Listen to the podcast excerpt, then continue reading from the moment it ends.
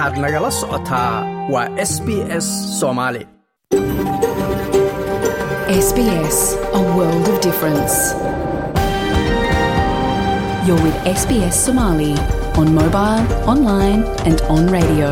waxaad nagala socotaan s b s soomaali oo aad ka heli kartaan mobile online iyo rediyoga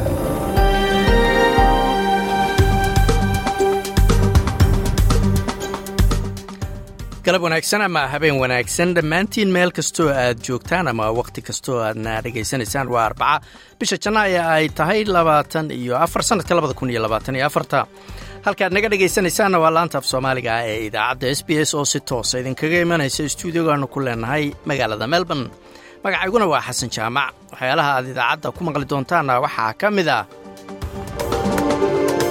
Waxay xildhibaanada kulanka wadatashiga isugu yimid hoosta ka xariiqeen in dib u eegista dastuurka iyo wax kabeddelkiisu ay tahay waajib dastuuri ah oo uu xil ka saaran yahay labada aqal ee baarlamaanka. Haddaba ilaa iyo inta laga helayo xeer hoosaad ay labada aqal ku wada shaqeeyaan kulan kasta oo wada jira oo ay labada gole yeelanayaan. Waa khilaaf ka taagan qorshe lagu doonayo in dastuurka dalka soomaaliya wax laga bedelo waxaad kaloo maqli doontaan The first thing we do, we call it the 10 steps of success, which is helping them understand what they need to have available, how to translate or how to do all their paperwork. waa qayb kale oo ka mid a barnaamijyadeennii australia explained oo si gaara uga hadlaysa sida qofku uu shaqo u raadsan karo marka uu waddanka ku cusub yahay nidaamyada la maro iyo weliba meelaha aad ka doonan karto shaqooyinka marka horese wararka caawa waxaa ugu waaweyn ra'iisul wasaaraha dalkan australia antony albanisi oo ku dhawaaqay kim williams inuu noqon doono guddoomiyaha guddiga sare ee a b c da oo bedeli doona mr batros oo hadda guddoomiye halkaasi ka ah. Doorasho kale oo gaara ayaa dhacaysa ayaa la yidhi oo laga qabanayo kursiga kuuka ee magaalada sydney kadib markii uu baarlamaanka iska casilay ra'iisul wasaarihii hore scott morrison. Wararkaas iyo kuwo kale ayaad maqli doontaan ee u diyaar garooba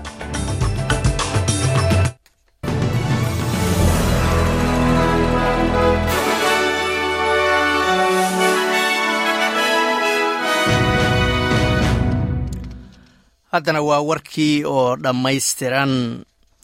Doorasho kale oo gaara ayaa ka dhacaysa kursiga cook ee magaalada sydney kadib markii uu baarlamaanka iska casilay ra'iisul wasaarihii hore ee dalkan australia scott morrison.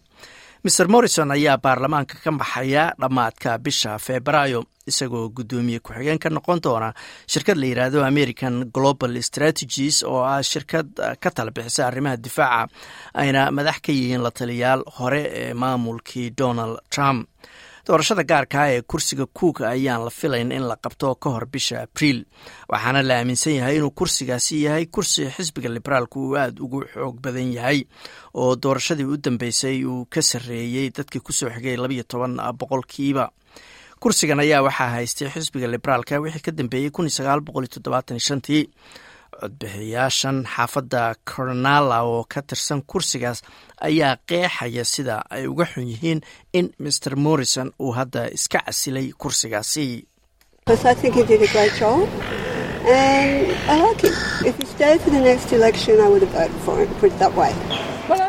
mid ka mid ayaa tiri waxay ila tahay inuu howl fiican soo qabtay waana nin aan jeclahay. Haddii uu sii joogi lahaana waan u codayn lahaa. Waa ka xumahay inuu iscasilay sababtoo ah wuxuu ahaa shaqsi fiican ayay mid kala tiri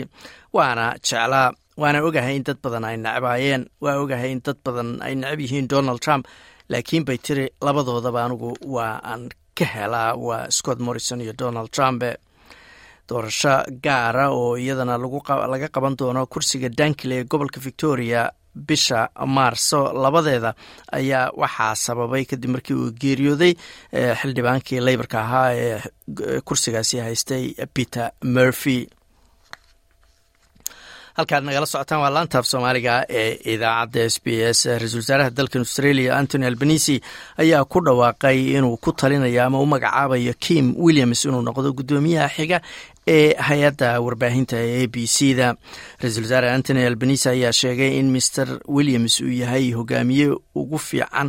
ama hogaamiye fiican oo leh khibrad dheer iyo awood xilkan uu u baahan yahay. master williams ayaa hore uga soo shaqeeyey shirkada waaweyn oo warbaahineed oo ay ka mid tahay shirkadda weyn ee newscob wuxuu sheegay inay sharaf u tahay waa master william inay sharaf u tahay inuu qabanayo hawshan uu ku gudanayo xeerka a b c da oo ah buu yidhi sida shacabka ay u wargelin lahaayeen una madadaalin lahaayeen una xaqiijin lahaayeen dhaqamada kala duwan ee dalkan australia oo markaasi astaan qaran oo shacabku yaqaana ah waa a b c de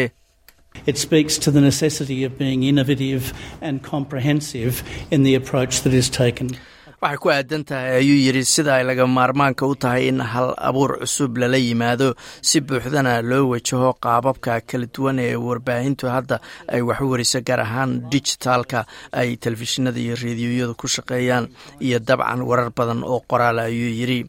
golaha wasiirada ayaa markaasi sameeyey go'aan ay ku talinayaan in master williams uu noqdo guddoomiyaha guddiga sare ee kadib shir ay galeen shalay oo talaado ahayd. Isla wararkaasi a b c da ayaanu ku jirnaayey wasiiradda isgaarsiinta dalkan australia ayaa difaacday a b c da sida ay u baahayso wararka ku aadan colaadda israa'iil iyo xamaas michel rowland ayaa sheegtay in dowladdu ay kalsooni buuxda ku qabto guddoomiyaha guddiga sare ee a b c da ita batros iyo madaxa a b c da david anderson waxayna diiday wasiiraddu inay ka hadasho arinta wariyaha antoined latuf la yiraahdo oo hadda dacwo ka geysay a b c da miss latuf ayaa ku doodeysa in shaqada a b c da si sharci dara looga eriyey iyadoo go'aanka a b c ay qaadatay oo gabadhan shaqada looga eryana ay dhacday kadib markii gabadhanu ay barteeda bulshada ku qaybisay. Warbixin ka soo baxday hay'adda xuquuq biniaadanka human rights watch taasoo ku eedeysay israa'iil inay gaajo u isticmaalayso sidii hub dagaal dagaalka ay ka wado kaasa taas ayaa macnaheedu ahayd waa sida latuuf ay leedahay in shaqadeeda looga eriyey aragti siyaasadeed taasoo sharci daro noqonaysa ayay leedahay. Waa la arki doonaa go'aanka markaasi maxkamadooda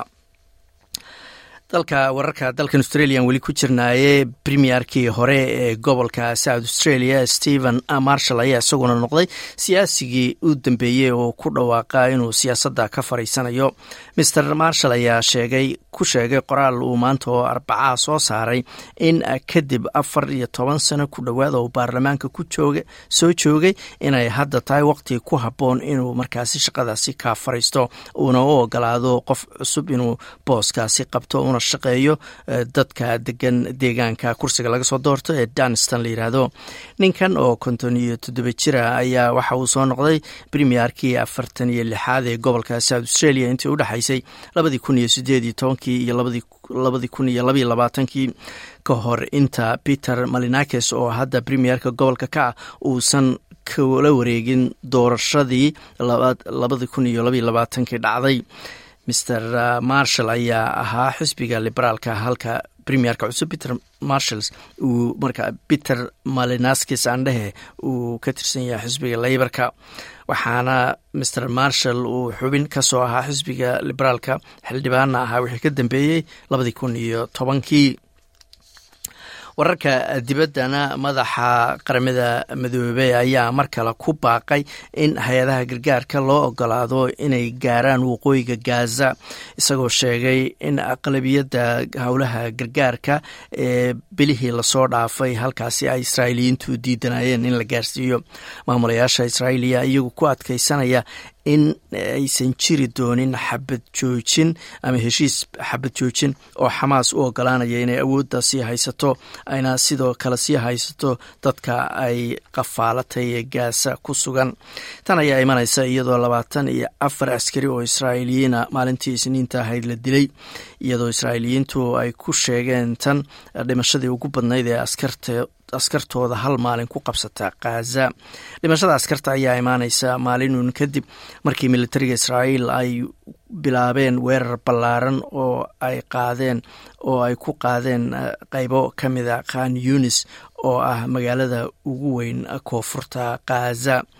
halkaas oo boqolaal kun oo qof oo ka soo qahay qeybaha kale ee falastiin markaasi ay gabaad ka dhiganayeen. Saraakiil u hadashay wasaaradda caafimaadka falastiiniyiinta ayaa sheegay in ugu yaraan boqol iyo sagaashan iyo shan falastiiniyiina la dilay labaatan iyo afartii saacadeed u dambeysay. Sidoo kalena dhimashada guud ay hadda gaartay labaatan iyo shan kun afar boqol iyo sagaashan qof oo falastiiniyiina wixii ka dambeeyey bilowgii dagaalkii oktoobar soo bilowday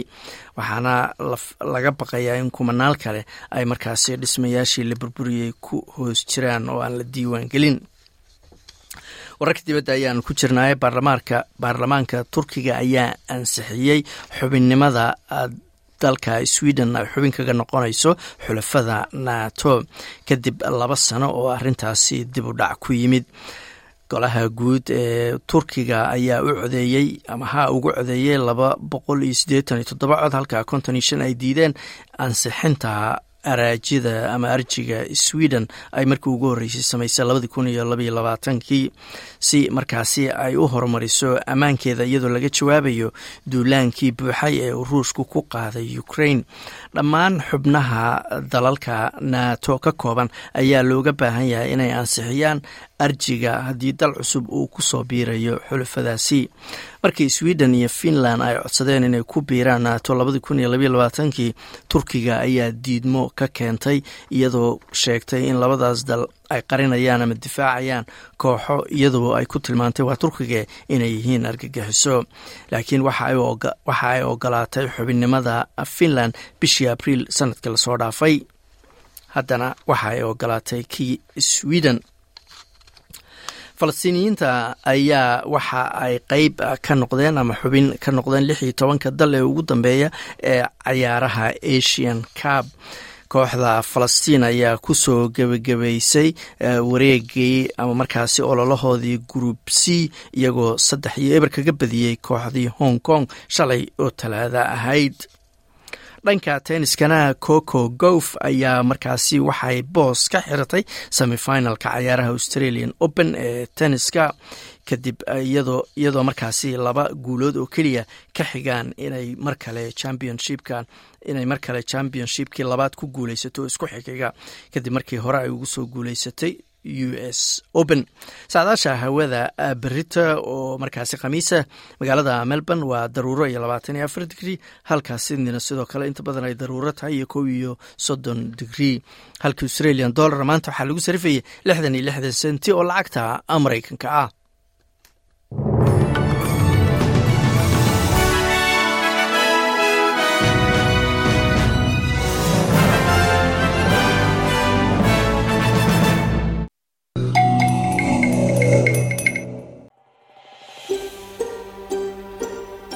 ma doonaysaa sheekooyinkan oo kale? Ka dhegayso apple podcast google podcast spotify ama meel kasta oo aad bodkastigaaga ka hesho